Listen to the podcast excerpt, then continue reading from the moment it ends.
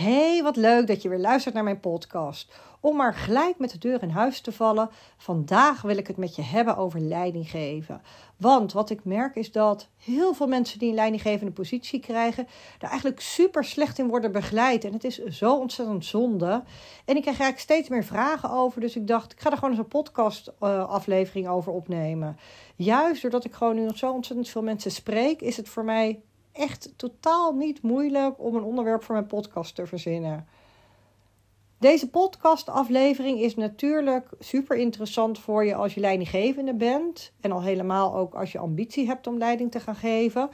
Maar mocht je geen leidinggevende zijn, dan denk ik toch dat deze podcastaflevering ook heel interessant voor je kan zijn omdat het er ook om gaat hoe jij mensen meekrijgt in jouw plannen. Dus ik weet zeker dat je er ook interessante tips voor jezelf uithaalt.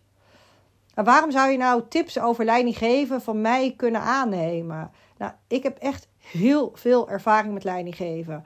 Sinds 2009 heb ik leiding gegeven. Eerst natuurlijk heel klein.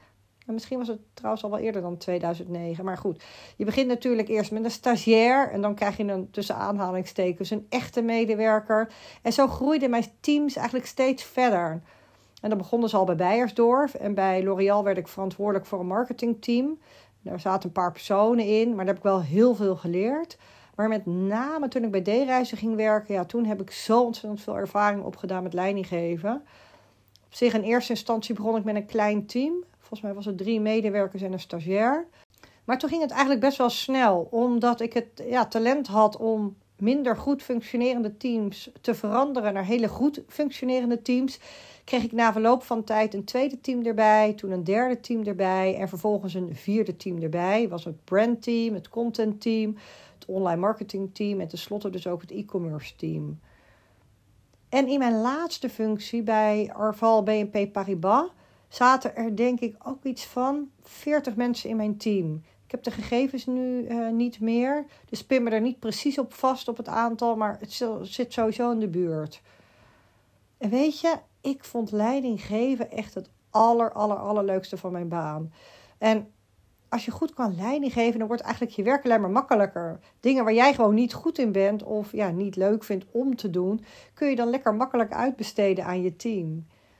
En dit is denk ik ook uiteindelijk echt de reden geweest dat ik met coaching ben begonnen. Want als leidinggevende coach je ook vooral heel erg je team. En dat vond ik ja, ontzettend leuk om te doen. Misschien gek om over jezelf te zeggen. En ik ben ook zeker niet goed in alles. Integendeel. Maar mijn kracht lag wel echt in leiding geven. Toen ik ook wegging bij mijn laatste functie, had ik als cadeautje gevraagd of ze wilden terugkoppelen wat ze voor mij vonden als leidinggevende. Dat was voor mij ja, hele waardevolle input over hoe mensen mij zagen. En dat kon ik ook weer gebruiken voor mijn uh, coachingsbusiness. Dus daar heb ik net ook weer even naar gekeken, ook als input voor deze podcast, omdat het heel veel zegt over wat medewerkers dus belangrijk vinden in een leidinggevende. Overigens begrijp ik ook zeker waarom er zoveel vragen komen over leidinggeven. Want in het begin was ik ook helemaal niet goed in leidinggeven. Voor mij was het ook een heel lang leertraject. En ik heb in het begin ook wel eens gedacht van ik kap ermee. Dus het is echt iets waar ik gewoon ja, in al die jaren in ben gegroeid. Wat weet je, wat werkte, wat werkte niet.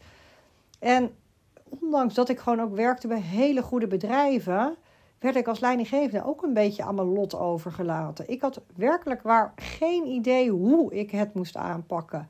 En heel eerlijk, ik had best graag een podcastaflevering als deze gehad of een training waarin ik dat gewoon allemaal leerde. Dus ik heb het mezelf helemaal moeten leren. En daarbij heb ik vooral ook gekeken naar welke leidinggevende vond ik top. En daar heb ik echt veel van geleerd. En ja, welke leidinggevende was ook mijn voorbeeld. Maar ook naar welke leidinggevende had ik juist liever niet gehad. En toen ben ik dat gewoon heel goed gaan analyseren, hoe zij de dingen aanpakten. En daar heb ik uiteindelijk mijn eigen versie van leidinggeven van gemaakt. Wat het als startende leidinggevende moeilijk maakt, is als je eerst onderdeel bent van een team en dan word jij leidinggevende van datzelfde team. Dat gebeurt natuurlijk ook best wel regelmatig. Hè? Eerst was je de gelijke en nu sta je daar hiërarchisch boven. En nou ja, dan is het van succes ermee. Je moet blij zijn dat jij degene bent geworden die die leidinggevende positie hebt gekregen. En ik vind dat hier echt veel te weinig aandacht aan wordt geschonken. Dus het is gewoon echt ook makkelijker als je van extern komt. Maar goed, dan heb je nog steeds de worsteling met het feit, nou ja, hoe kan je dan als leidinggevende boven staan? Maar moet je, ja, je moet ook weer benaderbaar zijn. Er zijn een aantal van die strukkels die gewoon best wel lastig zijn als startende leidinggevende. Ik dacht, ik ga gewoon een paar onderwerpen met je behandelen en dan wordt het allemaal vanzelf duidelijk. De allereerste, ik heb uh, tien tips volgens mij uiteindelijk. Ja, tien tips. De allereerste, dat is jouw energie.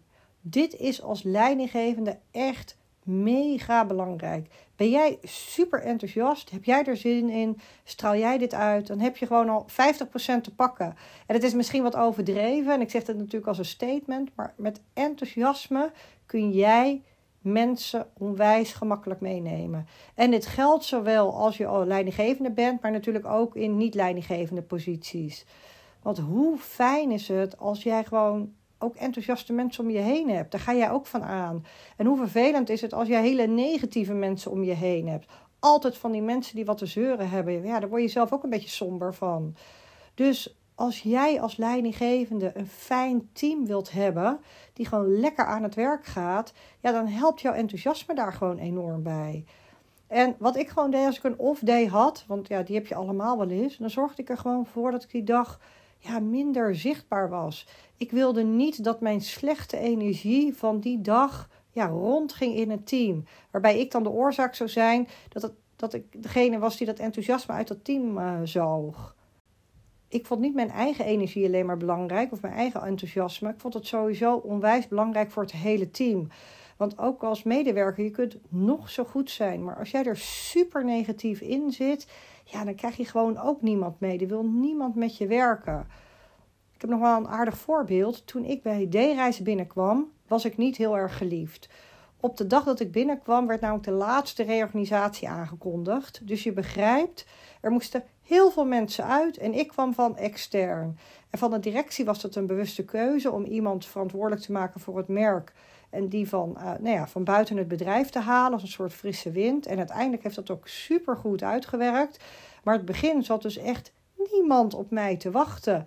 En het voelde ook vervelend dat ik een hele belangrijke plek innam. En die door, makkelijk door iemand gedaan had kunnen worden.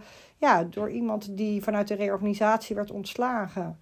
Maar goed, de directie wilde een nieuwe kant op. En daar hoorden ook nieuwe mensen bij. En het eerste wat ik toen heb gedaan.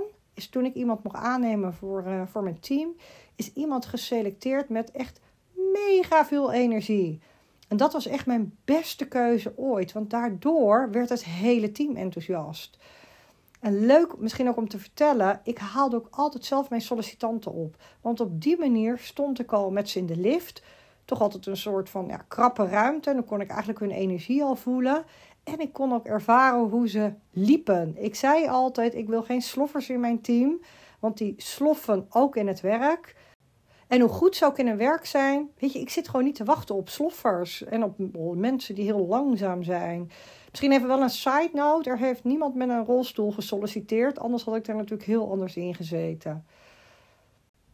Dus energie is echt extreem belangrijk. Dat is gewoon waar mensen op aangaan. Je hoeft niet een soort van nukkig erboven te staan om resultaten te bereiken. Soms kan je soms het gevoel hebben, zeker als er uh, misschien veel mannen in je bedrijf werken en ook wat ouder, dat je dan een soort van ja, nukkig moet zijn om resultaten te bereiken. Maar dat, heeft heel, dat is dus helemaal niet zo. Het tweede punt wat als leidinggevende belangrijk is, wat je mensen in je team waarschijnlijk heel fijn vinden, ik krijg dat namelijk echt regelmatig teruggekoppeld, is dat ze het fijn vinden als je toegankelijk bent en prettig benaderbaar bent. En dat betekent niet dat je 24/7 bereikbaar hoeft te zijn, hè? dat is heel wat anders. Maar dat je mensen het vertrouwen geeft dat ze iets met je kunnen delen. En dat ze makkelijk naar je toestappen. Dat je naar ze luistert, wat ze te zeggen hebben. En daar hoef je het niet altijd mee eens te zijn, maar je luistert wel naar hun verhaal of je luistert naar hun vraag. En daar ga je dan op een hele gewone manier mee om.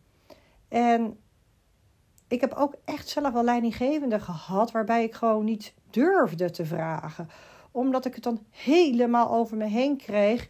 En het idee had dat ik echt de volgende dag ontslagen zou worden. En dat is natuurlijk een super vervelend gevoel. Dus dit wil je je eigen medewerkers niet aandoen. En wat ik net ook al zei, toegankelijk zijn is dus niet dat je 24/7 bereikbaar hoeft te zijn. En dat je altijd direct op iedere e-mail vanuit iemand uit je team, uh, dat je die beantwoordt. Ik was sowieso geen fan van vragen per e-mail om twee redenen. Die moeten, ze, nee, die moeten je medewerkers uit je team opstellen en dat kost gewoon tijd. En vervolgens kan het dan ook nog zijn dat je drie keer heen en weer mailt. Dus op de dagen dat ik op kantoor was, liep ik gewoon echt een paar keer per dag heel zichtbaar over de afdeling rond. En vroeg ik gewoon of er nog vragen waren. En op een gegeven moment weten ze dat natuurlijk. En het voordeel is voor jou dat je het heel erg clustert. Dus dat je niet de hele dag losse mailtjes met vragen krijgt. En het voordeel voor je team is dat zij dus gewoon meerdere keren per dag de mogelijkheid hebben om een vraag aan je te stellen. En zij daar ook gewoon direct antwoord op krijgen. En de dingen worden ook direct afgetikt. En je kunt makkelijk wedervragen stellen. Je kunt even meekijken op een beeldscherm als dat nodig is. En het houdt gewoon de snelheid erin. En het is ook nog eens een keer heel persoonlijk. Want het nadeel van de mail vind ik ook, en zeker als je een andere visie hebt, is dat dat ook nog eens een keer verkeerd kan overkomen. Dus ik zorgde er gewoon voor dat ik heel erg zichtbaar was. En dit is ook een belangrijk, ook bijna een tip op zich. Zorg dat je zichtbaar bent voor je team. Zeker dus op de dagen dat je op kantoor werkt. Sluit je niet op. En mocht je verplicht een x aantal dagen thuis moeten werken van je werkgever, wat nu natuurlijk uh, vaak voorkomt, is wat ik dus bijvoorbeeld deed in coronatijd. Dan zet ik mijn persoonlijke ruimte open voor een uur. En dan kon je daar gewoon in als medewerker. Iedereen had die link. En dat was gewoon een standaard link. Dat was één code. En dat was eigenlijk net als dat je ja, in een ruimte op kantoor zit. En ik werkte gewoon door. En soms kwam er uh, wel eens iemand langs en soms ook niet. Nou ja, ik vond het altijd heel leuk als er juist wel iemand langs kwam met wat vragen. En sowieso maakte ik ook altijd een kletspraatje bij het koffiezetapparaat. En als je prettig benaderbaar bent, durven mensen ook precies te zeggen wat er speelt in het team. En dan kun je daar gewoon ook gelijk op inspelen. Ja, dus zorg er gewoon voor dat je toegankelijk en zichtbaar bent. En dat je niet alleen maar druk bent met het opleveren van je eigen projecten. Want sommige leidinggevenden, en zeker ook startende leidinggevenden, stappen best wel in die valkuil. Uiteindelijk moet je ook leiding geven en dat kost gewoon tijd. En mocht jij ook verzanden in je eigen projecten en schiet het erbij in om zichtbaar te zijn, zeg dan in je hoofd: ik loop vandaag twee keer per dag rond op de afdeling. En die tijdstippen kunnen natuurlijk helemaal verschillen per dag, maar je moet er gewoon wel tijd voor vrijmaken, want je kan veel sneller bijsturen. Dus dan is de medewerker niet dagen bezig waarvan jij denkt, nou dat had ik anders gedaan. En de kwaliteit van het werk gaat ook omhoog. En je hebt geen ongemotiveerde medewerkers meer, omdat die dagen met iets bezig zijn wat helemaal omgegooid moet worden. Ik was de laatste paar dagen trouwens een beetje verkouden, dus ik merk dat mijn stem nog niet helemaal optimaal is. Maar goed, het is dinsdag en op dinsdag plaats ik altijd een podcast. Dus uh, nou, ik probeer, uh, hopelijk houd mijn stemmen tot het einde. Het derde punt wat ik met je wil delen, die kreeg ik ook teruggekoppeld. Want ook gewoon heel erg belangrijk is, is dat je open en eerlijk bent. Open en eerlijke communicatie is zo ontzettend belangrijk. En ik heb zelf altijd, als ik s'avonds naar bed ga, wil ik mezelf gewoon in de spiegel kunnen aankijken. En ik had nooit en heb gewoon nog steeds niet een verborgen of een dubbele agenda. Natuurlijk kan je vanuit bepaalde posities niet alles vertellen aan je medewerkers. Soms heb je gewoon als MT-lid of een directielid, ja, dan weet je dingen eerder uh, dan dat je dat met het team kan delen. Maar iedere week gaf ik wel een terugkoppeling van dingen die we in het MT hadden besproken. En later in mijn geval de directie. En ik deed dat heel bewust. Omdat ik zelf, toen ik nog nou ja, zeg maar onderaan de carrière stond, had ik dan het idee dat er wat er in het MT werd besproken. En zeker ook in de directie. Dat het allemaal heel geheimzinnig was. Nou, toen zat ik er zelf in. Viel dat even tegen. En die transparantie wilde ik ook echt geven. Ik wilde ook duidelijk zijn en duidelijkheid geven over de topics die speelden aan het hele team. En zeker in mijn laatste functie zaten er heel veel lagen onder mij. Maar ik communiceerde dit echt naar alle medewerkers. En dat kan je bijvoorbeeld in de week stand-up doen. Wij hadden dat op vrijdag, einde van de middag. Maar het kan natuurlijk op elke willekeurige dag van de week. Wat gewoon passend is voor jouw team. En daarbij zei ik ook heel duidelijk: ik deel alles wat ik kan delen. Maar ik kan niet 100% van de dingen delen die daar gezegd worden. Daar moeten jullie ook begrip voor hebben. Soms mogen de dingen nog niet naar buiten komen. En daar hield ik me ook super streng aan. Want, en het ging dat ook niet stiekem doorvertellen. Allereerst, weet je, iedereen heeft een beste vriendin. Dus op het moment dat je iets vertelt, dan weet je zeker dat het ook wordt doorverteld. Maar geldt ook andersom. Want dat zou dus betekenen als een medewerker mij iets in vertrouwen vertelt ja, dan moet zij ook het gevoel, hij of zij het gevoel hebben dat ik het niet met anderen deel. En soms waren er ook best wel besluiten waar je dan ja, persoonlijk niet helemaal achter stond. Maar ja, die moest je dan wel overbrengen vanuit je rol. En dan kon ik ook best wel zeggen van ja, ik sta er persoonlijk niet achter. Maar dit is hoe het besluit tot stand is gekomen. Hè, want dat kan wel een soort geldige reden zijn. En ook van hoe kunnen we, hè, dit is nou allemaal besloten, maar hoe kunnen we hier toch een positieve bijdrage aan leveren? Dat is natuurlijk een beetje afhankelijk van het onderwerp. En ja, wat ik al zei, ik nam ze ook wel echt mee hoe zo'n besluit, dat misschien niet altijd prettig was, toch tot stand was gekomen. En dat gaf wel vaak een stukje goodwill. Dus het hoeft allemaal niet zo super geheimzinnig. Het vierde punt wat echt belangrijk is als leidinggevende, en waarin jij als leidinggevende ook echt het verschil mee gaat maken. En het klinkt super simpel wat ik nu zo meteen ga vertellen. Maar ik heb dit echt bij heel veel leidinggevenden fout zien gaan. En dat is een visie voor je afdeling opstellen en daaraan ook gekoppeld een afdelingsplan. Maak een eenvoudige visie die iedereen gaat omarmen. En hieruit rolt ook een plan en hou dit ook levendig. Dus niet iets wat je één keer per jaar maakt en dan tijdens je beoordeling uh, weer eens uit je bureau haalt, maar echt het levendig houden. Overigens, daar kom ik zo nog even op terug. Overigens betekent het niet dat je die visie helemaal in je eentje moet maken. Ik zal altijd beginnen met een inspiratiemiddag of een inspiratieochtend of een hele dag of een uurtje. Weet je wat nou ja, van toepassing is op jouw team. Waarbij je ze vooraf al een opdracht meegeeft. Dat ze bijvoorbeeld kunnen aangeven waar ze tegenaan lopen. Of welke gave dingen ze zien bij andere bedrijven. Dat mag ook zeker buiten de branche zijn. Of trends die ze zien.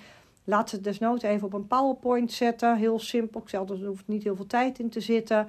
Maar wel gewoon dat je ook weet wat er bij hun leeft. En vaak hebben ze ook hele gave ideeën waar je dan zelf misschien niet aan gedacht hebt. En dan krijg je zo ontzettend veel input eh, van.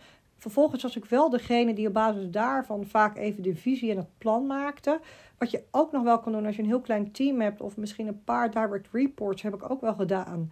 Maar dat moet je dan super goed voorbereiden. Hè? Bij wijze van spreken echt de volgorde van de slides al maken. En dat je alleen maar echt de inhoud nog hoeft op te schrijven. Dat zou ook nog wel kunnen. Waarom? Het is namelijk heel erg moeilijk om met een aantal mensen een heel concreet plan te maken. Ik heb al zo vaak van dit soort meetings meegemaakt dat je dan een soort van op een high-sessie. En dan was ik niet in charge en er werd er de hele tijd gepraat, maar er kwam dan niets concreets uit. Ja, ik haatte dat altijd. En als het plan dan klaar is, hè, gedeeltelijk misschien met een paar direct reports of dat je dat alleen hebt gedaan, dan kan je het gaan pitchen. Want het is voor andere mensen altijd makkelijker om op iets te schieten dan om, ja, wat ik net zei, dan dat je iets gaat maken met een hele grote team. En dan zul je zien dat je zo ontzettend veel input krijgt waarvan je denkt, nou, misschien dat je bij sommige dingen denkt, hm, dat is niet helemaal de richting die ik op wil, maar dat kun je dan direct ook op dat moment weer leggen.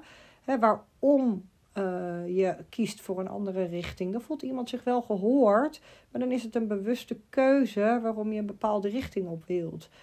En van sommige dingen denk je ook, oh goed punt, weet je, dat kan je dan toevoegen of aanpassen in de presentatie.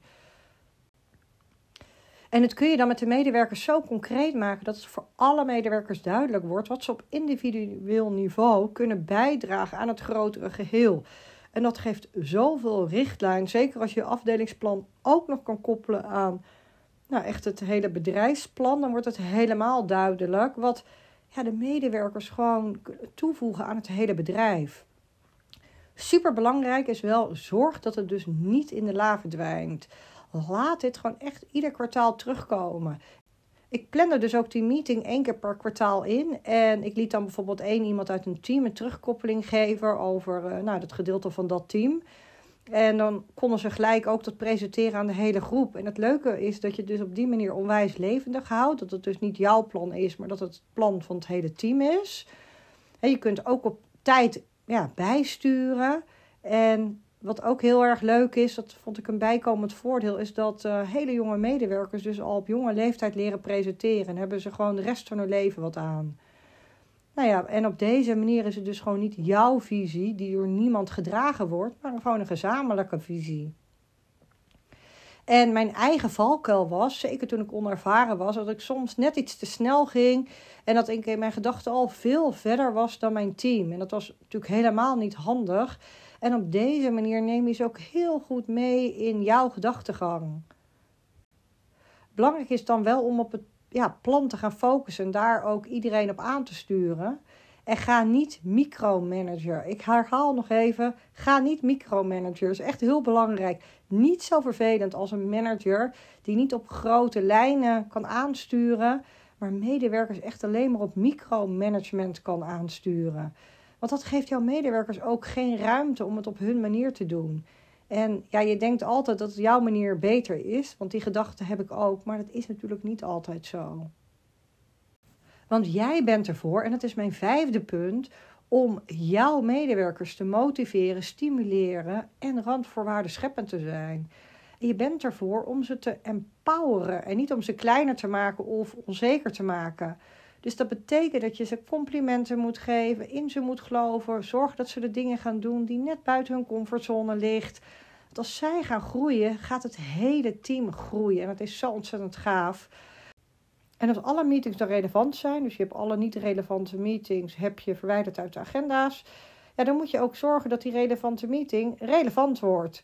Dus structuur aanbrengen, echt vooraf agendapunten in laten brengen in een gemeenschappelijk document. Dus dat jij niet als leidinggevende dat over hoeft te typen, dat ze het bijvoorbeeld eerst naar jou mailen en dat jij het op de agenda zet. Nee, dat kunnen ze prima zelf toevoegen in de gedeelde agenda. En ieder agendapunt heeft dan aan het einde twee opties tijdens de meeting zelf. Of er rolt een actiepunt uit met een deadline en een persoon die die actiepunt oppakt. Of er komt een besluit uit voort en dat zet je dan op de besluitenlijst. En dat klinkt super kinderachtig, maar hoe vaak ik of iemand uit mijn team toch niet even die besluitenlijst er heeft bekeken van, om te achterhalen wat we ook alweer hadden afgesproken. Zeker bij complexe dingen. En je kunt ook gelijk direct in de meeting zelf of iemand, een beetje afhankelijk hoe dat, uh, nou ja, hoe dat in jouw team is, meetypen. En dan hoeft niemand dat ook meer na de meeting te doen. En dat klinkt misschien wat strikt, maar het werkt echt super fijn. En iedereen gaat zo blij met je zijn. En als een meeting om vier uur begint, dan begint die ook om vier uur. Lekker duidelijk. En dan kom ik gelijk tot het zevende punt. Wees super duidelijk, maar ja, wees niet al te streng. En als je dit goed weet door te voeren, dan scoor je echt punten bij je team. Ik was heel duidelijk, echt in een aantal dingen. Als een meeting begint op een bepaald tijdstip, wat ik net zei, dan begint hij dat ook op dat tijdstip. Want als jij tien minuten te laat bent en je laat zes mensen, nou niet zozeer jij, maar of iemand uit je team, als die tien minuten te laat is en je laat zes mensen dan wachten, dan is dat gewoon een uur kostbare tijd. Ik zeg ook altijd jas op de kapstok. Weet je, die hang je thuis ook niet aan een stoel. Afspraak is afspraak.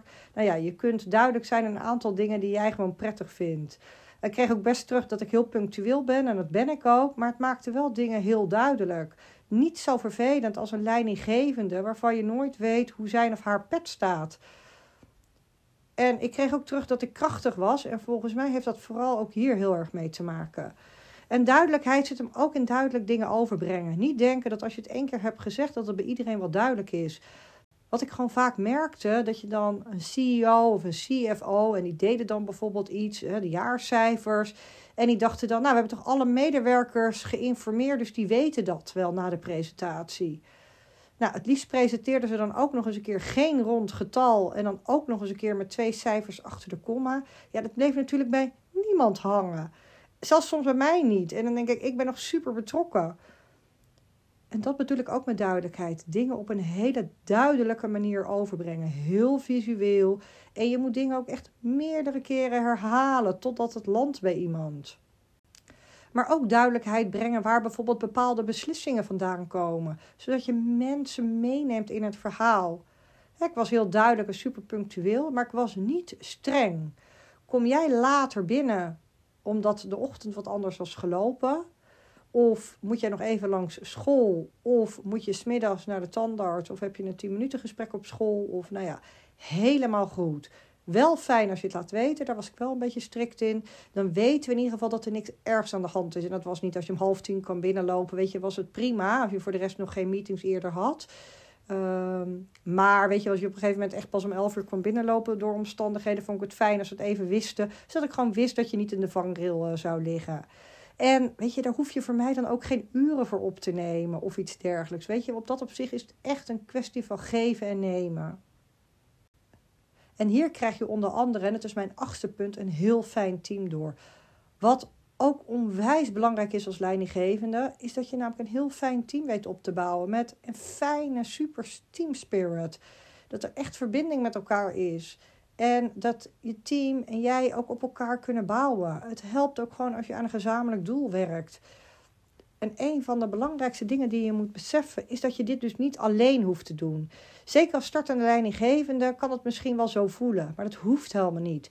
Je bent juist een inspirerende leidinggevende als je luistert naar je team, wat er allemaal speelt. Of als je een vraagstuk hebt, gooi het in de groep. Vraag ook continu feedback van je team.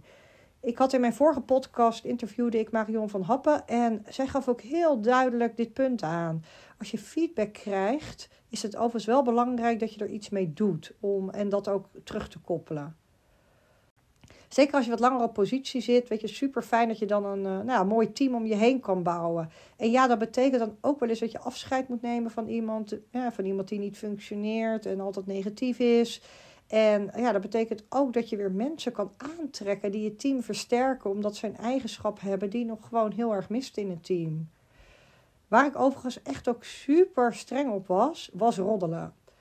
Weet je wel, er soort van, ik zei ook altijd, er wordt gewoon niet geroddeld in dit team. En daar was ik ook heel duidelijk over. En je, weet je, krijgt er alleen maar gezeik door. Weet je, die zei dat en die zei die. En weet je, je kunt het natuurlijk niet helemaal voorkomen. En roddelen verbindt ook, dat snap ik ook. En ik ben ook zeker niet zo naïef om te denken dat er over mij niet geroddeld werd. Maar het is wel een van de manieren om de team spirit hoog te houden. Als er gewoon wat was, dan maak je dat bespreekbaar en dan ga je daar dus niet over roddelen. Ik kan geen gedachten lezen, dus als ik het niet weet, kan ik er gewoon ook niks aan doen. En belangrijk in deze is ook dat je complimenten geeft in de groep en kritiek één op één. En dat zeg ik natuurlijk heel zwart-wit en er zijn zeker nuances op aan te brengen, maar het is wel goed om dit principe in je hoofd te houden. Dit helpt ook enorm voor de team spirit. En wat ook onwijs goed voor de team spirit is, en dat is mijn negende punt. Het hoeft allemaal niet zo serieus. Het mag ook gewoon fun zijn. Je mag fun maken. Het team mag fun maken. Het mag gewoon gezellig zijn. Work hard, play hard. En het kan zijn dat iemand uit je team gewoon een onwijs goed idee heeft. waarvan jij direct denkt: leuk, gaan we doen. En zo kwam er wel eens een keer uit mijn team het idee om te gaan planken. En, ieder, en dat was ieder uur gingen we dan een uh, minuut lang gingen we planken. En dat voor een week lang. En aan het einde hadden we dan een finale bedacht. Of nou, dat had iemand uit mijn team bedacht, niet ik. Uh, wie het langst dan kon, uh, kon planken. En volgens mij had iemand dit op een dag bedacht. Ik had dat gelijk gepitcht. Ik was gelijk naar boven gerend om dat te pitchen bij de CEO. En de dag daarna gingen we er gewoon voor. En over team spirit gesproken. Dit was echt fantastisch. Het hele bedrijf deed uiteindelijk mee. Of iemand uit mijn team had bedacht: Goh, we gaan rond Pasen overal eitjes verstoppen. Van die paaseitjes verstoppen. Superleuk. En echt na het startschot ging ook echt iedereen rennen door het pand heen. Leuke quizzes met bijvoorbeeld een weetje over iemand en de rest moet dan raden over, ja, over wie dat gaat. Nou, genoeg dingen te bedenken. En laat het ook vooral bij je team liggen, maar omarm het dan wel. Hard werken en heel veel lol hebben, dat kan zo goed samengaan. En ik ben ook dol op tradities. En op een gegeven moment had ik bijvoorbeeld een, uh, nou dat is niet echt lol, maar het was wel een traditie die ik had gecreëerd. Misschien kan je er inspiratie uithalen. Uh, zo had ik bijvoorbeeld de quote van de week. En daar sloot ik altijd de stand-up mee af. Maar op een gegeven moment kwamen op het idee, ik weet niet meer hoe dat ging, dat misschien een van de medewerkers ook wel een quote kon inbrengen. En nou ja, die medewerker die de quote van de week inbracht, koos dan ook weer iemand anders, die vervolgens ook dan weer de week daarna de quote zou doen. Dus op dat soort manieren ja, creëer je ook tradities. Of dat lol maken. Ik vond het ook prima als ze een beetje grapjes over mij maakten. Want ik was vrij strikt over die jassen. Want ik vond het echt super ongezellig als die jassen over de stoel hingen. Dus ik had, uh, dat, dat was toen ik bij D-reizen binnenkwam, was dat het geval. Dus ik was gewoon naar de Ikea gereden en ik had een paar kapstokken gekocht waar iedereen gewoon prima zijn jas aan kon hangen. Maar op een gegeven moment werd dat natuurlijk echt een beetje een, een dingetje. En ik werkte altijd op donderdag, werkte ik thuis. Was niet op kantoor. Nou, en toen, hadden ze, toen zeiden ze ook op vrijdag altijd... Nou Danja, we hebben gisteren weer lekker alle jassen over alle stoelen gehangen. Heerlijk. Weet je, en dat moet ook kunnen. Dat was altijd... Ik weet niet, die jassen die waren op een gegeven moment altijd lachen, gieren, brullen. Het tiende punt wat ik met je wil bespreken, waarom je een inspirerend leidinggevende kan zijn. En die overigens mij in heel veel dingen heeft geholpen, zowel zakelijk als privé, is toon lef. En ik ga hier zeker nog een losse podcast een keer over opnemen, omdat het je zo ontzettend veel kan brengen. Maar als leidinggevende durf de dingen ook gewoon anders te doen. Wees vernieuwend, wees innovatief, toon lef daarin. Kijk niet naar hoe je voorganger het deed of hoe andere leidinggevenden het doen naast je. Want je hebt ook heel veel niet inspirerende leidinggevenden. Maar leidinggevenden die bijvoorbeeld vanuit een expertfunctie leidinggevende zijn geworden. En eigenlijk misschien veel beter hadden kunnen doorgroeien in een expertfunctie. Dus toon lef daarin om af en toe even buiten de lijntjes te kleuren. Ik kleurde gewoon best wel buiten de lijntjes. Ik deed dat wel netjes. Maar weet je, weet hoe de politiek werkte. Politiek op kantoor klinkt altijd als iets negatiefs, maar dat hoeft het eigenlijk zeker niet te zijn. Maar wel handig dat je er bewust van bent. En ik kwam bijvoorbeeld ook altijd voor mijn teamleden op. Ook als ik een opmerking kreeg vanuit de CEO, bijvoorbeeld over een medewerker. Dan kan het soms best wel eenvoudig zijn om dan je eigen hachie te redden. En, maar toch kwam ik voor mijn medewerkers op. Het voelde gewoon als mijn eigen kinderen op een, een of andere manier. Een beetje anders natuurlijk, maar wel vergelijkbaar. Dus ja, lef tonen als leidinggevende en dingen anders en vernieuwend doen kan echt heel belangrijk zijn. Dit waren de tien punten die ik met jullie wilde delen over inspirerend leiderschap. Nou, ik zou echt nog veel meer kunnen delen over leiding geven en over carrière maken, maar dat past gewoon allemaal niet in deze podcast. Weet ook dat ik een instapcursus heb, succesvol carrière maken. Die is 49 euro. prijs kan natuurlijk worden aangepast, maar hij is nu november 2023, 49 euro. En dit is een module uit mijn grotere programma. En ik had al een paar keer de vraag gekregen of ik deze ook los uh, aan te schaffen valt. En dus, uh, dat, dat doe ik dus nu ook. En mocht je daarna dus in mijn grotere programma stappen, dan verwerk ik dit bedrag gewoon als korting. En in deze training ga ik veel dieper nog in op allerlei thema's rondom carrière maken. Ik focus me daar ook op vrouwen, omdat die gewoon tegen andere dingen aanlopen als mannen. En er zijn echt ja, heel diverse onderwerpen die ik aansnij. Uit de grond van mijn hart. Je krijgt heel veel waarde voor dit bedrag. Het is echt een losstaande training met eigenlijk ook weer verschillende submodules. En het is inclusief een werkboek. Want ik heb gewoon zo genoten van mijn carrière maken. En dat wil ik gewoon met anderen delen. ook vooral door de impact die ik heb kunnen maken bij de bedrijven waar ik werkte. Ik durf echt te zeggen dat ik overal gewoon een stukje Danja heb achtergelaten. Ik wist gewoon goed waar mijn sterke punten lagen. Ik zette mijn vrouwelijk leiderschap in als kracht. Durfde me goed zichtbaar te maken. Er werd ook echt naar me geluisterd. Had het lef dus om te innoveren en daardoor ook veranderingen en vernieuwingen te brengen. En graag wil ik gewoon al mijn hacks, tips, tools en technieken en eye-openers met je delen zonder een enorme grote financiële investering, maar met de bewezen know-how. En ik deel al veel in de podcast, maar goed, de training gaat natuurlijk nog veel dieper. En dan word je ook echt, nou ja, moet je ook echt aan de slag met bepaalde thema's. Ik ga dus onder andere in hoe je het verschil kunt maken, hoe je jezelf kunt positioneren. Dat klinkt misschien niet zo leuk, maar het is echt super leuk om hiermee aan de slag te gaan. Er zijn ook nog heel veel andere dingen die jou gaan helpen om op een makkelijke manier carrière te maken. Juist omdat het mijn missie is om andere vrouwen verder te helpen. En ja, om op een, wat ik net ook al zei, om een hele makkelijke manier carrière te maken. En niet vanuit een klagende manier over allerlei externe factoren waar je geen invloed op hebt. Maar juist door zelf de verantwoordelijkheid te pakken. En dat levert zo ontzettend veel energie op. Ik voeg de link ook even toe in de show notes. Daar kan je natuurlijk op klikken. En je kunt ook altijd even op mijn website danjalekkerkerk.nl kijken. Ik wens jou een hele fijne dag en je weet het, ik geloof in jou.